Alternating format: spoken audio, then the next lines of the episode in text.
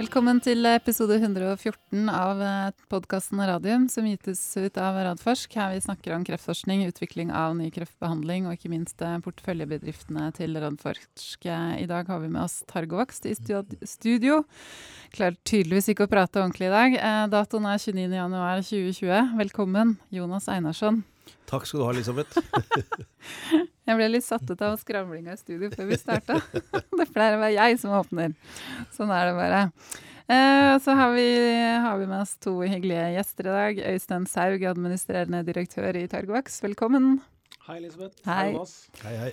Og Erik Digman Wiklund, som er forretningssjef i Targovax. Hei, hyggelig å være tilbake igjen. Ja, det er riktig med forretningssjef, fordi jeg liker jo ikke sånne engelske titler. Det kan du gjerne kalle meg. Ja.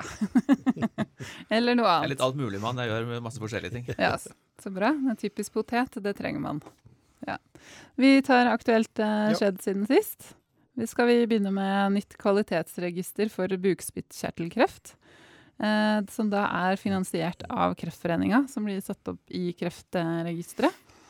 Um, Sånn som jeg skjønte, så tar da Kreftforeningen og spytter inn sju millioner for å få mm. opp dette kvalitetsregisteret, og kommer i gang med drift. Og så vil de at det, det offentlige skal overta. Hva tenker du om det? Jeg syns det er kjempefint. Uh, Bukspyttkjertelkreft kan jo disse gjestene våre svært mye om også, som jo har jobba med det i, i, mange år med, med TG01. og vi vet jo fortsatt at det er svært dårlig behandling på den, og skal vi klare å finne noen løsninger, så er et sånt uh, register veldig veldig viktig og, og blir et godt, godt, verktøy for å forske videre på. Så det er veldig fint at de får til det. Mm -hmm. Hva tenker dere? Nettopp som Jonas sier, har jobba med dette i mange, mange år. det, sånn der reising og skuldre gjør seg veldig dårlig i podkast. Nei, bukspyttkjertelkreft er jo ekstremt eh, krevende å behandle. Det var en interessant analyse i The Economist her for et års tid siden, hvor de så på hvordan overlevelsen har forandret seg i forskjellige kreftformer over de ja. siste 40 eller 50 årene. Og fra svært dårlig prognose for egentlig alle krefttyper for 40-50 år siden, så har man kommet opp på 70-80-90 fem, fem, fem, års overlevelse mm. for de fleste krefttypene.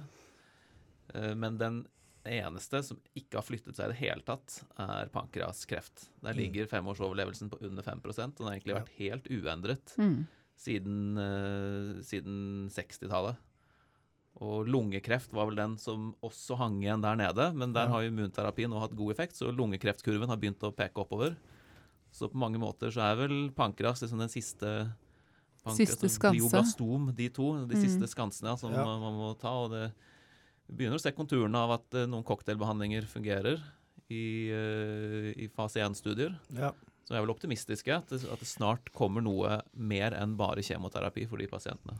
Ja, forhåpentligvis så, så kommer det mer kombinasjonsbehandlinger med forskjellige typer uh, immunterapi. Men man må nok angripe på flere felter samtidig. Det, og mye, mye, kombinasjon til å begynne med, tenker jeg, hvis det skal være mulig å få noe bedre ja. resultater. Ja, det er det som er riktig. og Det er en såpass aggressiv sykdom at uh, bare immunterapi er ikke nok, og ikke Nei. heller bare kjemoterapi. Så man, man trenger å kanskje tre, fire, fem medisiner sammen. Mm. Det, er klart, det er krevende for et lite selskap å gjøre, som er opptatt av å vise at sin egen medisin virker. Så her uh, her trengs det støtte fra, fra, andre kilder til å få i gang de riktige studiene. Men det, mm. det, ser vi skjer, spesielt i USA.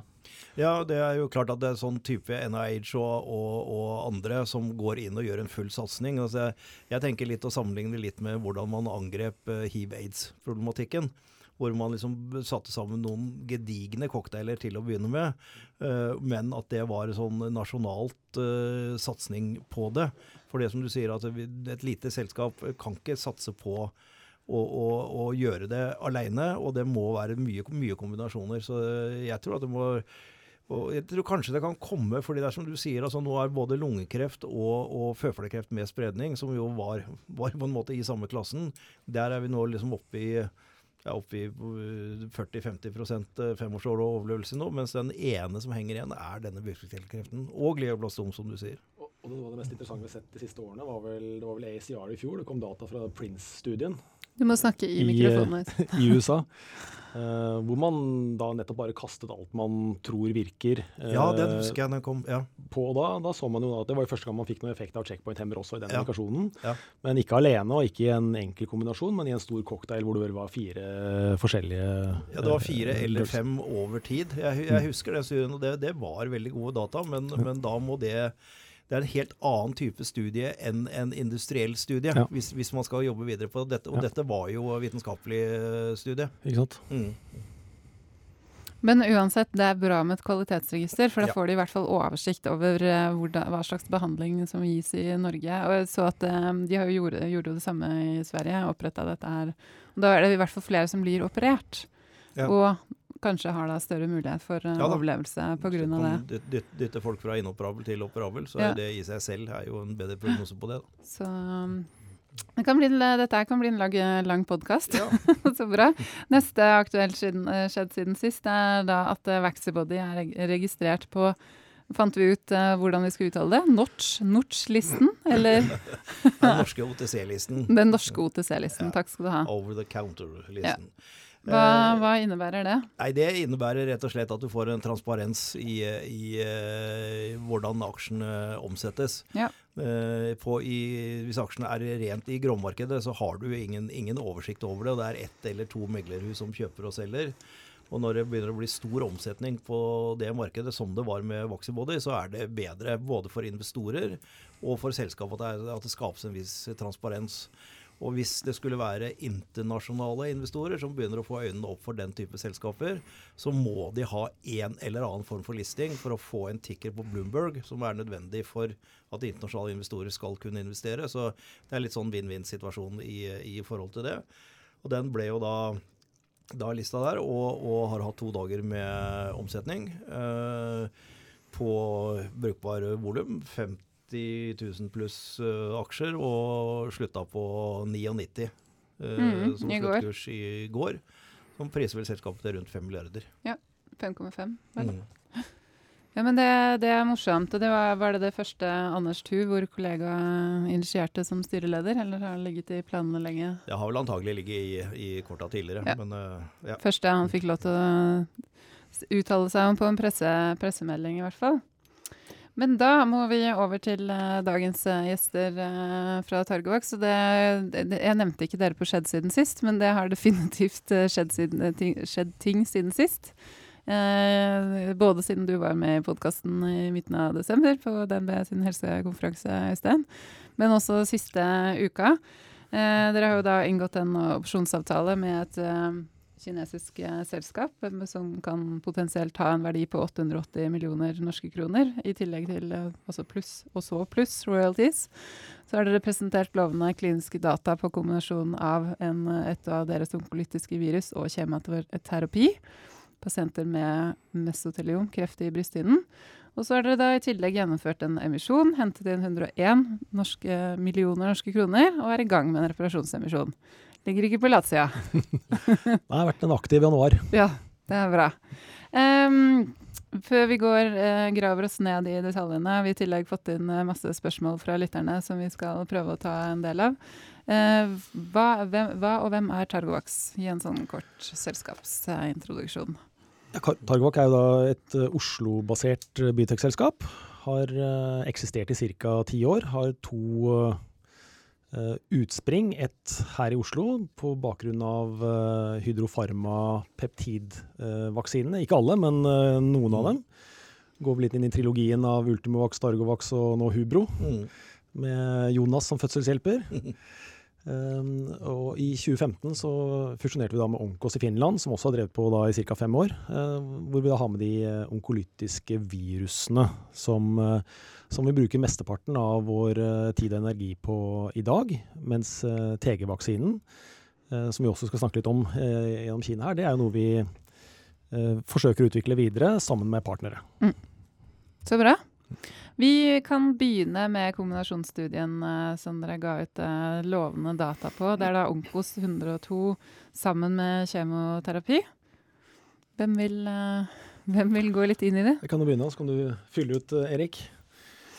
Uh, dette er jo en, en, studie som er uh, randomisert. Det er den første randomiserte studien vi kjører med, uh, med, med noe, egentlig. og onkolytiske viruser har jo sannsynligvis en stor fremtid i cocktailer, som vi har mm. snakket om. gjerne cocktailer med, med checkpoint-hemmere. I dette tilfellet så kombinerer vi ikke med checkpoint-hemmer, men med, med kjemo i, i mesoteliom. Um, og planen her det er jo å gå videre i mesoteliom og legge på en checkpoint-hemmer senere. Men dette er da den første og for så vidt også den eneste studien vi har gjort med kjemoterapi. Og det er en viktig eh, grunnsten da, i det arbeidet vi tenker å, å, gjøre med for å finne plass i en, i en cocktail med mm. virus. Så de dataene vi har fått nå, de er, de er tidlige. Det er uh, viktig å påpeke. Det, dette er jo pasienter som uh, ikke lever veldig lenge etter at de har fått diagnosen. De lever ca. ett år når de er på vanlig standard kjemobehandling. Og vi har jo lest det her etter fire-fem måneder, så du, det er jo begrenset hva du, av, uh, hva du, får av, data. Men ORR kan du lese av, og du vil også se de første tegnene på, på PFS, da, eller mm. progresjon. Mm. Uh, progresjon er nok det som anses for å være viktigste målet her. Uh, det ser ikke ut til å være noen god korrelasjon mellom ORR, eller liksom minskningen av tumoren initielt, og overlevelse. Det er eh, progresjon, eller PFS, som virker, virker, å være korrelert med overlevelse. Mm. Så det er det man gjerne fokuserer på. Mm. Og, og, selv om uh, vi har mange pasienter som ikke er kommet til progresjon ennå, i, i, begge armene, så klarer vi å lese av et, et hint da, av en effekt når vi legger på, på viruset på standard kjemobehandling uh, så langt. Mm. Men uh, det er viktig å påpeke at det er tidlige data, mm. og vi kommer med mer data i løpet av de neste månedene. Mm. som, vil, okay. som vil kunne uh, bekrefte, håper vi, da, de dataene vi allerede har, mm. har sett. Mm. Og så skriver dere også i den uh, børsmeldingen og pressemeldingen at dere allerede er i, i samtale med en farma-samarbeidspartner. Hva, hva, hva, kan dere si om det, om dere kan si noen som helst? Så planen vår i mesoteliom er å prøve å posisjonere Onkos som en mulig fremtidig førstelinjebehandling. Dvs. Si at det er en del av det første man gir pasientene. Og mesoteliom er en sykdom hvor det er mulig rent strategisk og praktisk å komme seg dit. I, hvis man tar melanom som et, som et annet eksempel, så er det så veldig mange behandlingsalternativer som finnes nå, og som er gode. Så der er man mer enn nødt for å begynne sent i behandlingsforløpet, og så kanskje etter hvert jobbe seg oppover og bli et tidligere og tidligere mm. alternativ. I mesoteliom så er det sånn at det bare er én drug, Pemetrexed eller Alimta, som er godkjent kjemoterapi, som brukes som førstelinje i kombinasjon med cisplatin, eller en gammel, klassisk eh, kjemoterapi som man har brukt siden 50-tallet. Og Det er det eneste alternativet som fins for disse pasientene som er eh, FDA-godkjent og, mm. og on label Pemetrexed, cisplatin-kombinasjonen. Eh, den er veldig effektiv på å kjapt redusere tumorbyrden for pasientene. Eh, men effekten vedvarer ikke. Så man får en eh, stort sett raske tilbakefall. Og som, som Øystein sa, så er den forventede overlevelsen ca. et år fra diagnose. Så det vi ønsker å teste, er jo om Onkos kan bidra til å forlenge disse responsene. Ikke nødvendigvis at flere får respons på kjemo, men at den kjemoeffekten vedvarer eh, over, over, tid. Og mm. Derfor så legger vi da eh, Onkos til eh, eh, kjemoterapien i, disse, i førstelinjepasienter først og fremst, for å se om vi kan immunaktivere pasientene. At det virker mekanistisk, og se om vi får en forlengelse. Og så Når det er sagt, så er jo den åpenbare kombinasjonspartneren med onkolytiske virus, og i og for seg vaksiner generelt, eh, sjekkpunkthemmere. Målet vårt er å generere T-celler som kjenner igjen kreften og dreper kreften. Eh, men kreften har effektive forsvarsmidler mot de T-cellene, og disse forsvarsmekanismene kan, kan, oppheves ved hjelp av en sjekkpunkthemmer. Så vi tror ikke at uh, vi, vi, tror vel egentlig at i, i, alle settinger i fremtiden så vil man se at virus og sjekkpunkthemmer går hånd i hånd. Mm. Så vårt ultimate mål her har hele tiden vært å gjøre trippelkombinasjonen av virus pluss kjemo pluss sjekkpunkthemmer. Men mm. du må gjøre dette stegvis. Så vi, vi, vi begynte jo vårt fase 1-program med monoterapi, virus kun. Og så i det programmet som kjører nå, så har vi gjort virus pluss sjekkpunkthemmer, både PD1 og PDL1-hemmer. Og i mesoteliomstudien så har vi gjort virus pluss kjemoterapi.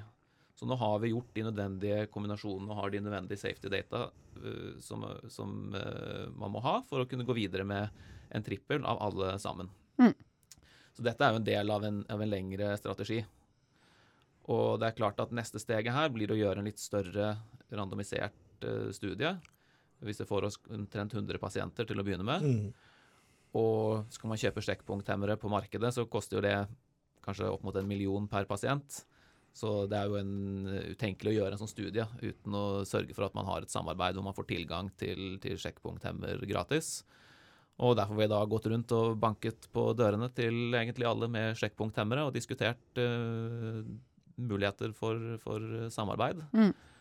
Og i en av de dialogene så har vi da kommet så langt nå at uh, vi er komfortable med å, med å, gå ut og annonsere at, uh, at uh, dette antageligvis blir til et formelt samarbeid om ikke altfor lang tid. Ja. Mm. Da skal jeg ikke spørre om hvor lang tid, for det kan dere ikke si noe om. Jonas? Nei, altså, det, Dette er jo måten å gjøre det på nå. Og vi ser jo det med de andre selskapene våre og andre også, at man nettopp må gå den veien som, som dere har gått. Du må vise først at det, det nye produktet ditt alene ikke gjør noe skade, og, og lager de immunresponsene som er, man ønsker seg. Og så teste det ut med forskjellige ting. Dere da med kjemoterapi og, og med checkpoint-inhibitor. Og så komme fram til den ultimate på en måte cocktailen. Uh, og da legge opp til, syns jeg er veldig fornuftig. Vi har gjort akkurat det samme med de to studiene vi er i gang med å starte i Urtenvaks nå. Med en randomisert studie uh, og ca. 100 pluss pasienter. Uh, og håpe at de dataene som kommer ut av det, er så gode at man enten kan gå videre med enda større studier, eller faktisk at det, det, det er data som man kan feile på. Og Det kan man jo, skal man ikke guide at man kan, men, men det er jo helt klart at vi ser nå at én eller to den type randomiserte studier med gode nok data, og i den type diagnoser som dere går i her, og i førstelinjebehandling, har, har absolutt et potensial i seg til at, man, at det kan bli en, en, en, slags pivotalstudie ut av det, selv om man ikke kan si det på forhånd. Målet her er vel at dette blir, den, dette blir den siste studien vi gjør. Den er ikke i seg selv designet nå som en registreringsstudie, men prøver å holde dørene åpne sånn at den kan bli det. Mm. Ja. Ja. Når man ser hvordan dataene blir, og hvordan man eventuelt skal bygge videre på det. Mm. Sånn at du får en liten sømløs design videre etter Ja. det. Ja. Mm. Sånn som Nordic, Nordic Nanovektor gjorde Ja, det er så mange måter å gjøre det på. Altså, hvis dataene er veldig veldig gode, så kan man jo tenke seg at, eh, at myndighetene sier at dette bør dere feile på. Mm. Og hvis dataene er gode, men kanskje ikke så veldig gode, så kan man si at vi kan utvide studien med x antall pasienter, sånn at vi da statistikk og alle disse tingene slår inn. Eh, Så det er, ikke, det er igjen bare viser at det å utvikle kreftlegemidler, og i, særlig innen immunterapi, er ikke det gamle løpet med fase to, fase tre, 1000 pasienter. Altså det, det, det viser at det er den veien vi går. Da. Og det er vanskelig å guide på hva fremtiden kommer Ja. til å se ut helt eksakt. For det, det her er jo en kombinasjon av hvor viktig indikasjonen er, hvor, øh, hvor få muligheter pasientene har, og hvor gode data vi faktisk klarer å produsere. Mm. Så tiden vil vise, men det er klart, veldig gode data er det som skal til. Det andre som er viktig med den studien, her, er at det blir den første større studien med kombinasjon av de tre eh, som kjører over, over hodet, med virus, kjemo og sjekkpunkthemmer. Og vi tror eh, kjemoterapi det blir på mange måter sett på som, som gammeldags, men, men det virker det, det, til det det skal. Det reduserer tumorbyrden, og det er ingenting som tyder på at kjemo kommer til å forsvinne. Så, så kjemo er en del av cocktailen for fremtiden, tror vi. Og, og det å posisjonere Onkos 102 som et supplement til både kjemo og immunterapi, tror vi er smart Ja. strategisk. Og ikke kun fokusere på den sjekkpunkthemmer-komboen, som, Mm. som hva skal man si, er det som er mest innenfor for tiden. Mm. Det er greit å ikke bare være opptatt av trendene. Man må ha noe basis, eh, basis også. Um, men da, hvis vi skal snakke litt om, om emisjonen som dere gjennomførte forrige uke. Dere henta jo da inn 101 millioner norske kroner på, på disse data. Hva, hva skal dere bruke de pengene til? De pengene vil eh, gå til å drifte selskapet videre inn i fremtiden, og for å lese av flere datapunkter. Så vi Mm. har jo flere studier som eh, pågår nå. Som sagt, den mestillionstudien er jo ikke ferdig. Vi har jo bare så vidt begynt å, å, grave i de dataene der. I tillegg så er det jo en, den andre halvparten av melanomstudien vår. Den har vi også guidet på. Vi vil ha data i løpet av, av året. Og så har vi en studie som er, er den største studien vår. Som Har er ikke, i, unnskyld, har du ikke sagt det halvåret? Ja, vi har guidet første halvår. Ja, nettopp. Det var det. Ja. Mm. Bare så ikke lytterne oppfatter at nå guider han plutselig i år istedenfor halvår. Det kan fort bli noen spørsmål i neste runde. Ja, ja, ja. Så holder guidingen på første halvår. Uh, vi, vi guider at det kan bli data i første, at det blir data i første halvår. Ja, ja. Um, og den største studien vår det er jo den da i uh, peritonalkreft. Uh, Dvs. Si, altså uh, ovarikreft eller kolorektalkreft som har spredd seg til uh, bukhinnen. Uh, og der uh, vil det også være data som kommer i løpet av uh, de neste årene. Og vi må drifte selskapet til å, til å se de dataene. Ja. Men det er den studien hvor dere ikke kan si når dataene kommer, fordi dere, dere ikke sitter i førersetet på den, ikke sant? I praksis så vi er med å delbetale litt, Ja. og så leverer vi virus til den studien. Men den, Mm. den driftes jo av CRI og, og Ludvig. Mm. Nettopp.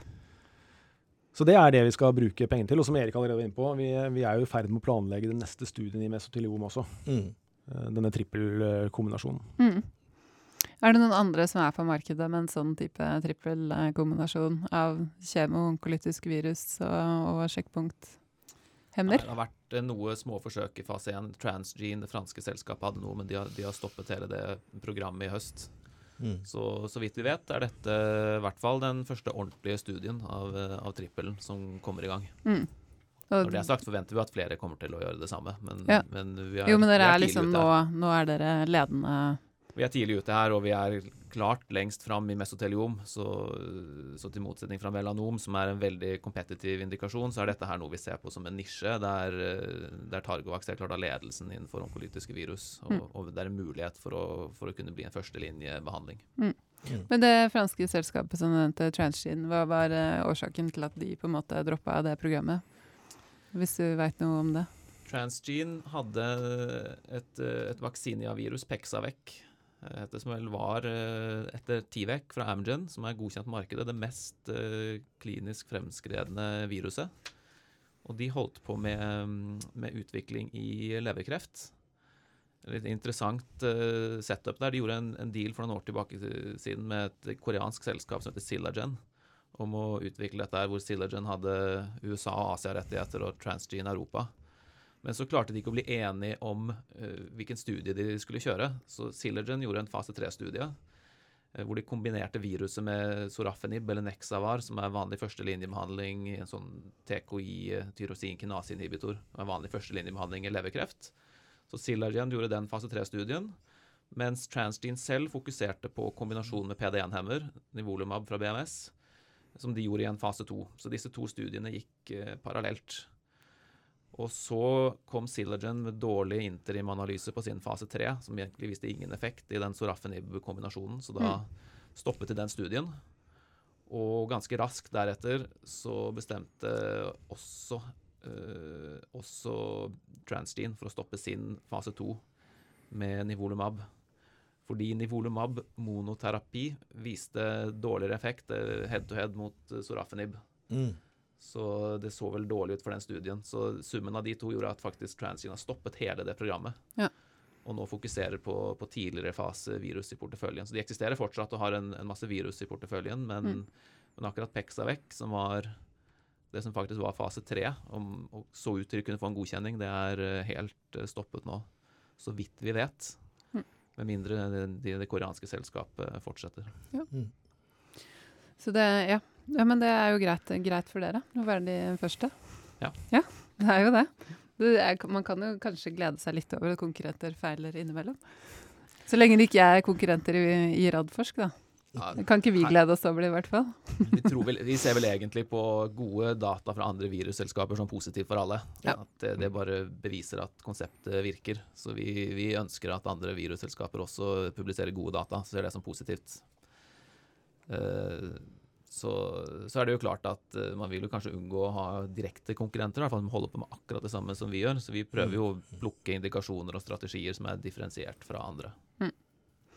Vi har jo fått inn noen spørsmål om, eh, om, eh, om emisjonen. Jeg tenkte vi kan ta, ta ett av de. Hvorfor valgte dere å kjøre emisjonen før avtale med Big Pharma? Uh, er det en lytter som lurer på? Ja, det med, det med timing av emisjoner er jo alltid et, uh, et spørsmål. Uh, og Det er klart det er, det er, mange elementer som er med på å bestemme hva som er et bra tidspunkt for en sånn emisjon. Um, et viktig argument for oss å gjøre en emisjon var at markedet var åpne. Nå var det mm. mulig å gjøre en emisjon. I hvert fall i forrige uke. Jeg vet ikke hvordan det er denne uka, men i hvert fall i forrige uke så, så var det det. Um, og det er nok mye av det vi prøver å tilpasse oss når vi velger tidspunktet på emisjoner. Mm. Men uh, nå hadde vi også fått uh, data bak oss på, på Mesotilium, og det jo, ville vært rart om vi hadde gjort det la oss si tre-fire uker før vi hadde fått de dataene. Det ville, det ville i hvert fall sett rart ut. Mm. Så det er, det er, ofte det er mange ting som spiller, uh, spiller inn. Mm. Timing, og det er ikke alltid så lett å si. Men det var jo fint at dere jo... Uh, kunne se inn i framtida inn i denne ja. uka og så at uh, hele biotek er på vei ned pga. koronaviruset, som du fortalte meg, Jonas. Ja. Uh, det enkleste svaret på spørsmålet ditt, ja. det er jo den hovedregelen at er det mulig å hente penger, så skal du hente penger. Ja. Du skal ikke vente og tro eller håpe at, kan, at, man kan få inn bedre penger om en måned eller to. Prøver man å være for smart med å liksom, time fremtidig nyhetsflow og emisjoner, så kan man brenne seg fort. Ja, skjønner. Det er bra. Um, og så er, dere nå i gang med en reparasjonsemisjon, og da har vi jo fått inn ganske mange spørsmål i forhold til uh, hva som skjer med den uh, reparasjonsemisjonen, uh, og når dere eventuelt avblåser den. Ja, hva som skjer.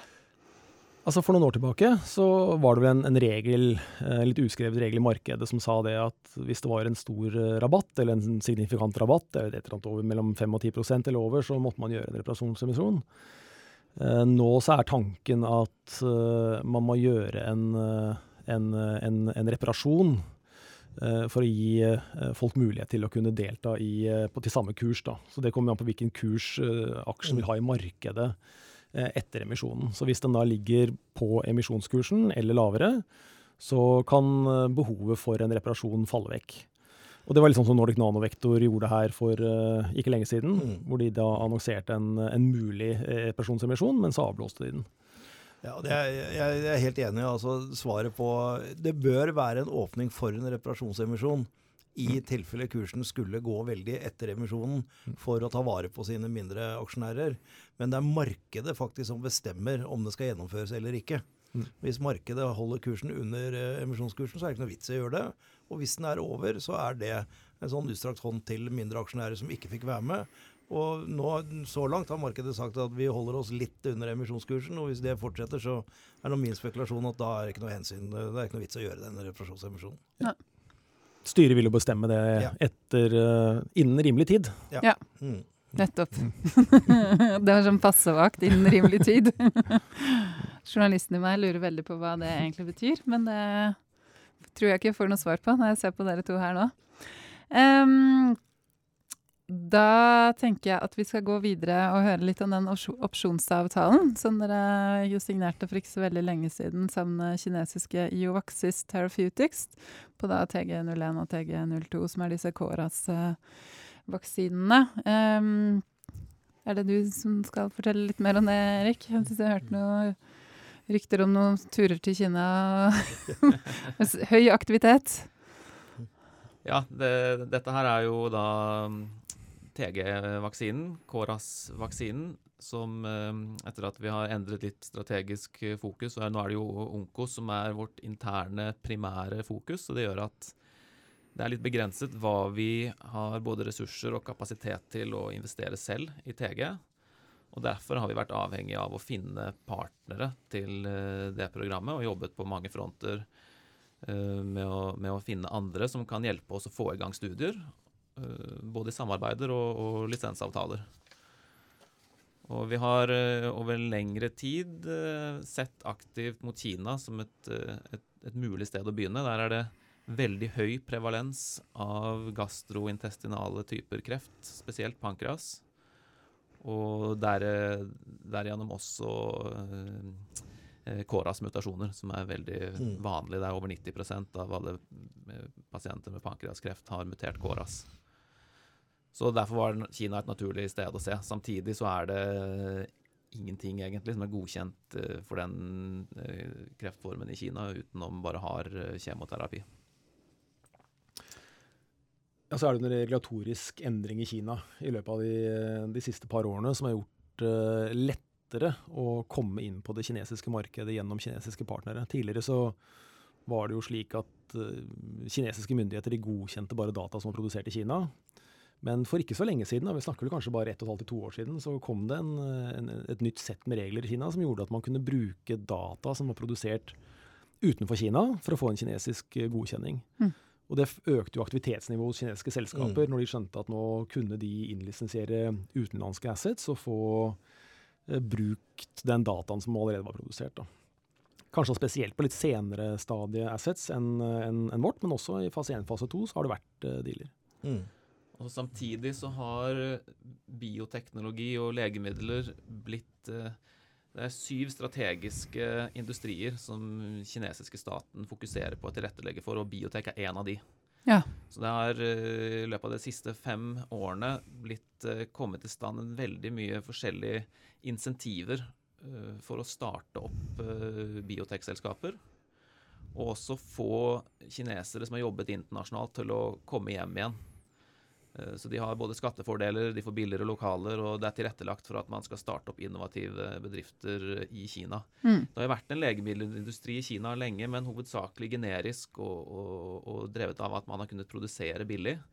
Men nå i det siste så har det kommet andre land som produserer enda billigere, så Kina har mistet sin edge hva kommer til eh, billig produksjon av generiske medisiner. Og de aller fleste av disse større generiske selskapene har nå, nå begynt å bevege seg over i å bli mer innovative og man sier ende-til-ende farmaselskaper.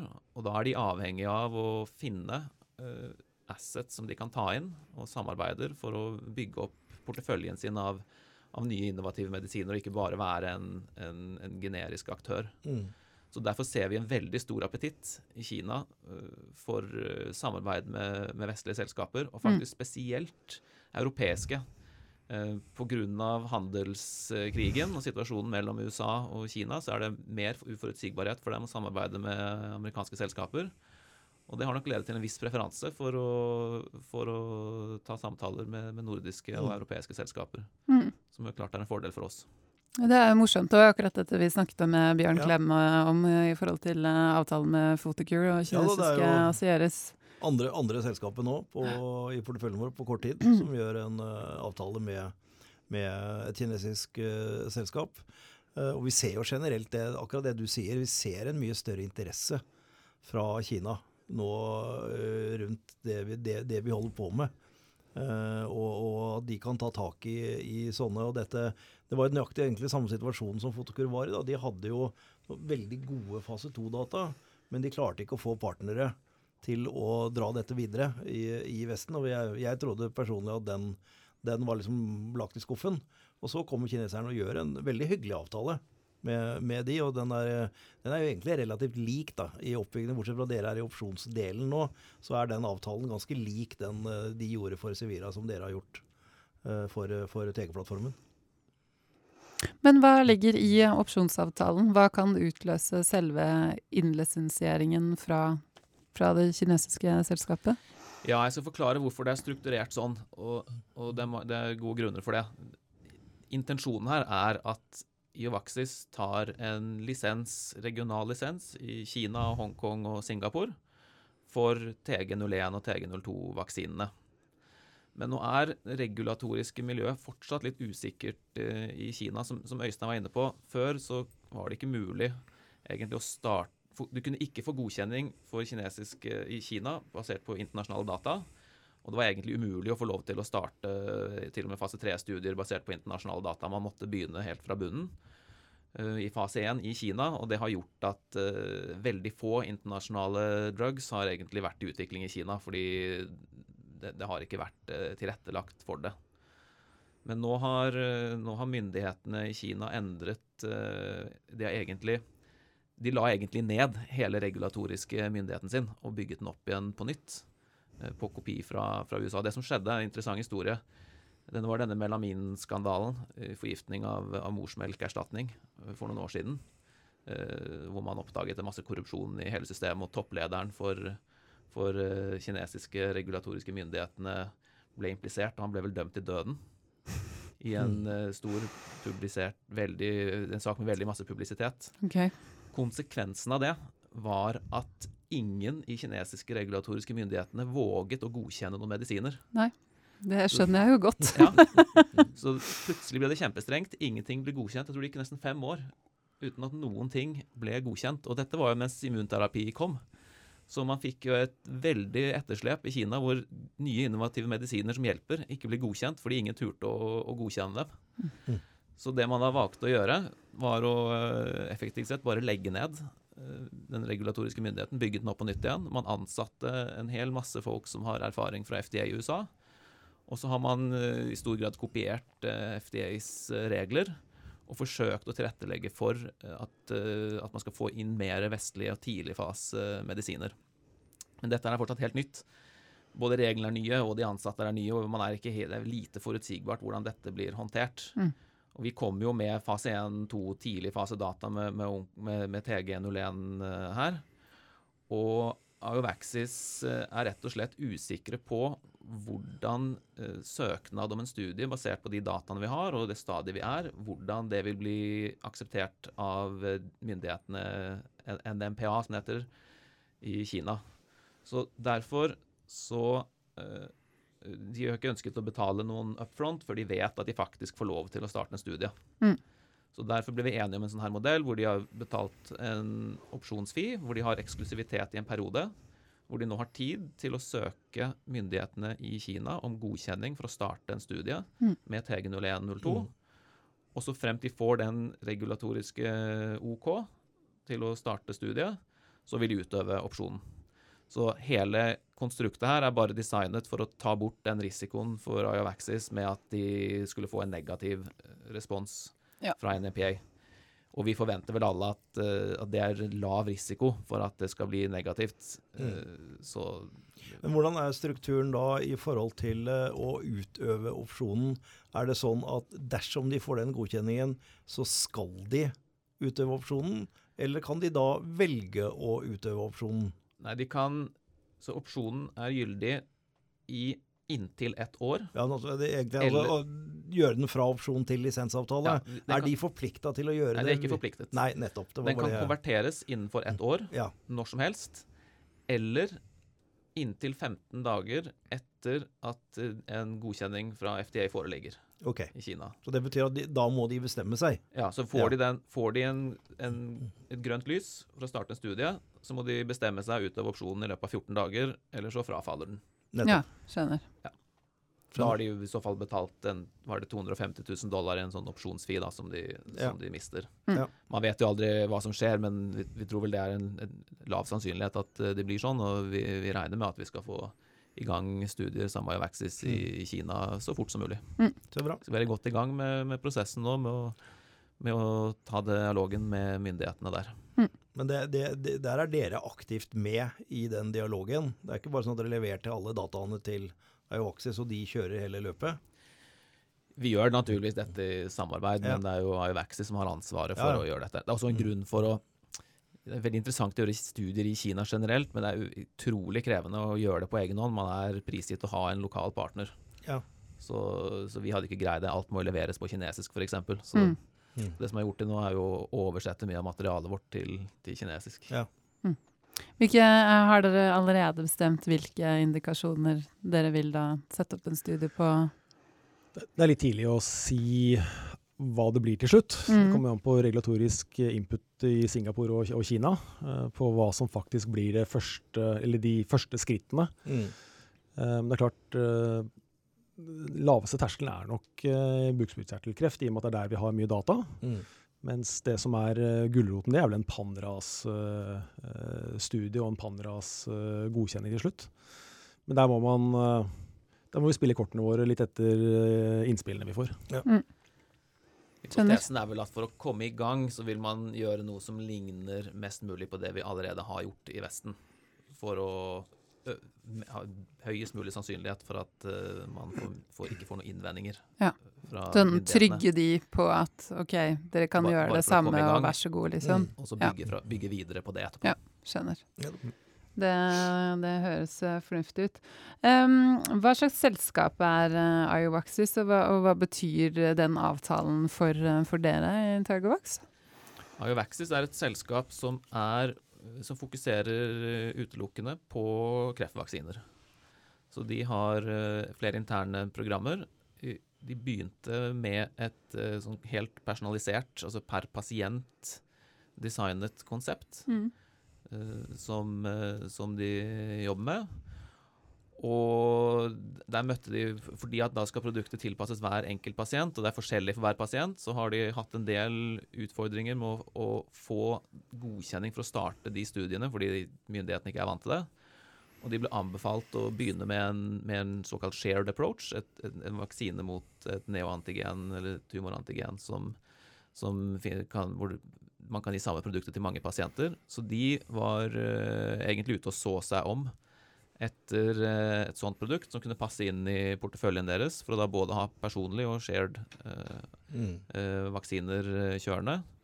Og de ønsket å gå til klinikk først med, med en shared løsning. Og de så vel på flere ting, men valget falt da på, på TG. Mm.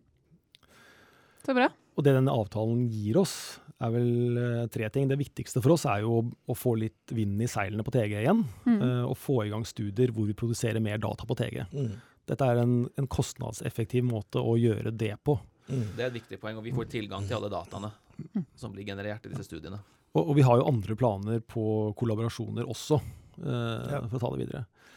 Eh, det vil også kunne gi oss eh, litt cash i midterm, for å si det sånn. Mm. Vi har jo også sagt at den milepælen de vil betale oss for å ta opsjonen, er tre millioner dollar. Og det er jo meningsfulle penger for et lite selskap. Mm. Uh, og det tredje er jo også at hvis dette blir en suksess i Kina, så vil vi være med på, på den uh, suksessen og vil da eventuelt kunne tjene ganske mye penger på, uh, på TG i Kina hvis, uh, hvis Ioaxis har suksess. Mm. Mm. Og da eventuelt ta det til andre deler av verden?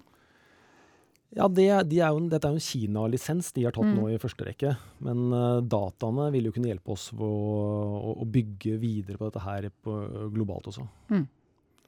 Og da selvsagt en vakker dag med andre samarbeidspartnere få, få en godkjenning på, på mm. TG i, i, resten av verden. Mm. Så bra. Har du ja, noen kommentar, Einarsson? Ja, jeg er jo som jeg har sagt tidligere, svært, svært fornøyd med dette. Jeg syns det er fantastisk at vi har fått til at vi faktisk nå ser ut som vi skal produsere mer data mm. på, på TG-plattformen. Uh, uh, og, og, det at det, dette konseptet blir drevet videre. Og det er klart at muligheten for selskapet er jo stort i og med at det, det er jo dette man ønsket å gjøre flere studier og få mer data. For så å kunne få samarbeidspartnere og drive det videre i, i andre studier eller, eller, i kombinasjoner, eller hva man måtte velge. Og det som jeg forstår, så står dere jo helt fritt til det overalt ellers. Og da når du også sier at dere har faktisk tilgang på alle disse dataene, så er jo det en asset i tillegg, da. Mm. Som er viktig for selskapet. Ja. Det høres virkelig sånn ut. Ja. ja. Vi kan gå over til noen flere spørsmål fra lytterne. Vi har jo fått inn noen flere spørsmål om, om mesoteliomstudien. Den første tror jeg kanskje det, du har svart på allerede, Øystein. Men det går på det med endepunkter. Eh, enten overall response rate eh, eller overall survival. Og at eh, det virker som progresjonsfri overlevelse er en bedre, bedre endepunkt. Ja, altså Primærendepunktet her er jo safety, eller bivirkningsprofilen. Mm. Så er, eh, den, den, er OK. Og så er det sekundærendepunktene her, som går på uh, hvorvidt, hvorvidt, det virker, om det er uh, effektivt. Og der er det både survival og PFS og ORR mm. som, uh, som, mm. som, vi har med. Men som sagt, tror, PFS er nok det som blir lagt mest merke til ja. der vi er nå. Det er klart mm. Når vi kommer et halvt år frem i tid, så vil vi også kunne ha overlevelsesdata. Da vil jo de selvsagt også bli viktige. Ja. ORR er ganske vanskelig å måle i mesotelion, for det er en veldig tynn tumor som ligger i hinnen rundt eh, lungen. Så den er krevende å måle, og det er krevende å få uh, pålitelige uh, målinger av responsrate, egentlig. Og så har man sett at i de fleste studiene som er, så er det en veldig lik responsrate, men ofte stor variasjon i progresjonsfri overlevelse, PFS, og til syvende og sist uh, hvor lenge pasienten klarer seg. Mm. Så ja, det er klart at det er veldig fint å se at eh, du har en respons på tumoren og høy ORR. Men det oversettes dårlig til, eh, til klinisk eh, effekt i form av overlevelse, som er det, det du er ute etter. Mm. Så man er nødt for å vente her til man, man får liksom klarere bilde på, på PFS, før man kan si litt tydeligere hvor, hvor dette bærer hen. Mm. Og så er det klart at immunaktivering er også betydelig her, fordi vi hvis ikke vi får den immunaktiveringen vi ønsker, hvis ikke vi genererer inflammasjon og, og får T-celler inn i tumoren, så, så virker jo ikke eh, mekanismen som vi ønsker. Mm. Så det er også ekstremt viktig her å, å se det. Og Foreløpig så gjør vi det. det. Vi får robust immunaktivering i pasientene. Vi får T-celler inn i, i tumoren, og det indikerer at, at uh, viruset gjør det det skal. Og dette er også en av de viktigste grunnene for at studien er randomisert. Fordi vi forventer ikke å kunne se noe statistisk forskjell eh, mellom de to armene på overlevelse, eller PFS, i en så liten studie. Mm. Men det vi forventer å se, er en forskjell i immunaktiveringen. Mm. Fordi noen får virus, og noen får ikke det. Og det bør vise en, en, tydelig, en tydelig effekt. Mm. Og det, det er den vi er ute etter, og det er grunnen til at dette er en randomisert eh, oppsett. Skjønner. Og, og dette er jo ikke bare vi som sitter og syns det. Vi har også snakket med, med Big Pharma om dette her i, et, i over et år. Eh, og også med noen regulatoriske myndigheter har vi vært innom og diskutert eh, designet på den nye studien. Hvor vi, hvor vi har fått eh, klarsignal for å bruke PFS som, eh, som endepunkt. Mm. Ja, bra. Det er videre, det er samme lytter fremdeles på mesoteliom. Eh, vil det komme informasjon om hva dere tenker om nytt studieoppsett før dette eventuelt er godkjent av FDA, uten binding på oppsettet selvfølgelig? Ja, det, det, det, det gjør vi jo allerede. Vi snakker jo fritt om Mm. hva som er current thinking på, Mm. på den studien. Eh, Det er klart, Selvsagt kan det endre seg. Men uh, nå har vi som sagt snakket med så mange flinke folk om dette allerede at vi har en ganske god idé om at vi tror det blir en, eh, en studie på ca. 100 pasienter, PFS som endepunkt, med en, med en, en safety lead in først. da. Mm. For det er jo en trippelkombinasjon her som ikke har blitt prøvd før. Og vi har brukt lang tid på å komme fram til akkurat hvordan denne studien skal se ut. Vi har vel reist rundt og møtt så å si alle verdensledende eksperter i mesoteliom, KOLs, eh, både i USA og Europa, og spurt om deres synspunkter. Og etter input fra mange landet på dette designet, også etter dialog med, med, med Big Pharma. Og vi opplever også stor etterspørsel fra uh, disse legene fra KOL som må være med. Mm. Så vi, vi regner med at her får vi med alle de store verdensledende sentrene på, på mesoteliom i, i studien. Mm. Og rett og slett fordi dette, det, det finnes så lite som foregår, at dette blir en, en kul studie for dem å delta i. Mm. Så bra. Um, det er litt mer sånne generelle spørsmål. Vi skal ned i litt uh, musemodeller. Det står uh, i DNB Radfors-podkasten i desember så var det saug at man ser på trippelkombinasjoner i musemodeller. Når vil det foreligge data fra disse musemodellene, og vil de bli kommunisert med markedet? Ja, der er vi jo i, i gang med, med flere mm, musemodeller, både en trippelkombinasjon og på de nye virusene, og vi gjør flere typer studier der. og Vi guider ikke på hva slags data vi kommer til å slippe når, men eh, enten i form av oppdateringer på kvartalspresentasjoner eller på vitenskapelige konferanser kommer vi til å informere om hva som skjer. Mm. Det er vel typisk ting vi submitter til konferanser, ja. altså Mm. Og så Ja. informerer vi mer om det da. Ja. Det er ganske Dette er jo ikke trivielt å, å få til å virke. Så vi holder på med, med å gjøre trippelkombinasjonforsøk i, i musemodeller, men, men det er ganske vanskelig å få modellene til å fungere sånn at man får data man kan bruke. Så det, det er ikke gitt at det virker i det hele tatt, men vi, vi jobber med saken. Og selvfølgelig er Invivo in vivo musemodeller viktig for å supple, supplementere eh, kliniske data. Men immunterapi er nesten Det er veldig dårlig oversettelse fra eh, musedata til eh, klin, klinikk. Det er så Mm. stor forskjell på immunsystemet i mus og menneske, og måten det, måten reagerer på, på denne type behandlinger at verdien er litt begrenset. Eh, Det er ikke som klassiske small molecules og sånn. Det er mye lettere å, å studere og, og, og, i, i mus og bruke som, for å forutse hva som skjer i mennesket. Eh, vi, vi ser at eh, det er langt mer krevende for, for immunterapi. Vi opplever vel også at det eneste som partnere vi snakker med bryr seg om, er egentlig kliniske data. De, det er fint at man har in vivo-modeller, men, men betydningen av det er det, det viktigste er egentlig å forstå de molekylære mekanismene. mer enn nødvendigvis om du klarer å kurere mus eller ikke. Mm.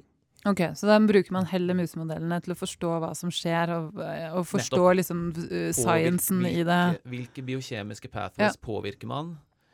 Hva er de, de Hvilke mekanismer foregår inni svulsten? Mm. Eh, ikke om du kurerer en kreft eller eh, ikke, eller til hvilken grad. Skjønner.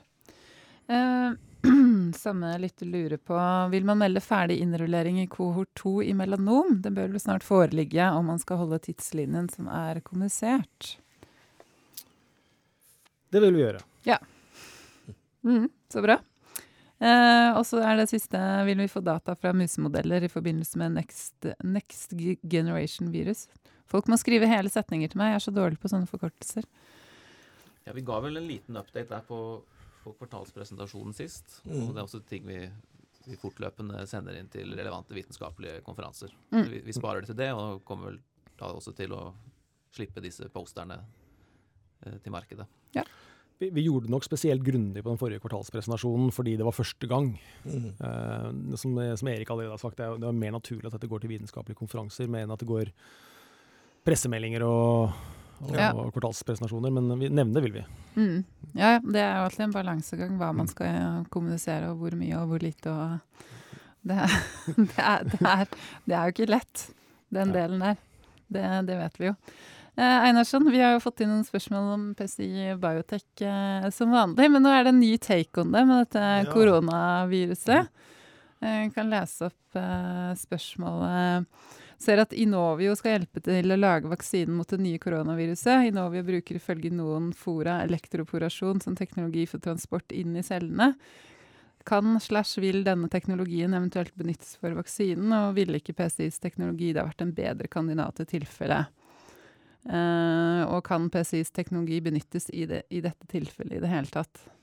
Ja, et veldig enkelt spørsmål. Eh, altså, eh, dette vet jeg jo ikke, men eh, nei. Altså, i, i, i dette tilfellet, for dette type, den, denne virusen og denne epidemien, eller spredningen av det, nei. Det ligger alt, det er altfor tidlig, og, og nå gjelder det å få ferdig en vaksine så fort som som overhodet mulig med de teknologiene som allerede, allerede eksisterer. Og jeg ser at det er, det er jo veldig mange selskaper som nå melder at de skal jobbe med dette her, og det er de eneste biotekselskapene som går opp om dagen. Uh, og jeg vil jo ikke tro at alle de vil eh, være med på det. Uh, og da må jeg liksom tillate meg også å, å, å si da at uh, Neste spørsmål fra han sånn PCI noe tilfør i kampen mot koronaviruset. Ja, det er annen lytter som har det spørsmålet. annen Bare, ja. sånn- Eh, nei, i, det, dette skal det komme en vaksine, så må den komme nå. Mm. Eh, og, og benytte anledningen til å dempe litt grann denne i mine øyne litt hysteriske mediefremstillingen av dette viruset, som også er et, et mutert forkjølelsesvirus. Som eh, vi ikke vet ennå, men alt tyder jo på at dette vil ligge sånn i i størrelsesorden og faremoment sånn tilsvarende et influensavirus minus. Eh, Og ikke er noe særlig farligere enn det. I hvert fall det jeg har klart å, å lese meg frem til. Eh, Og vi ser jo nå disse kjempestore overskriftene om at det er 132 pasienter som er dødd av dette. Og rapportene viser jo at det er de syke, dessverre, og svake som det som regel er. Hvis man setter det litt i perspektiv, da, så den eh, årlige influensaepidemien i Norge, den krever mellom, stort sett mellom 800 og 1500 liv hvert år. eh, I et land på litt over fem millioner eh, innbyggere. Eh, og der er vi ikke mer hysteriske enn at vi sliter med å få folk til å vaksinere seg mot, mot influensaen.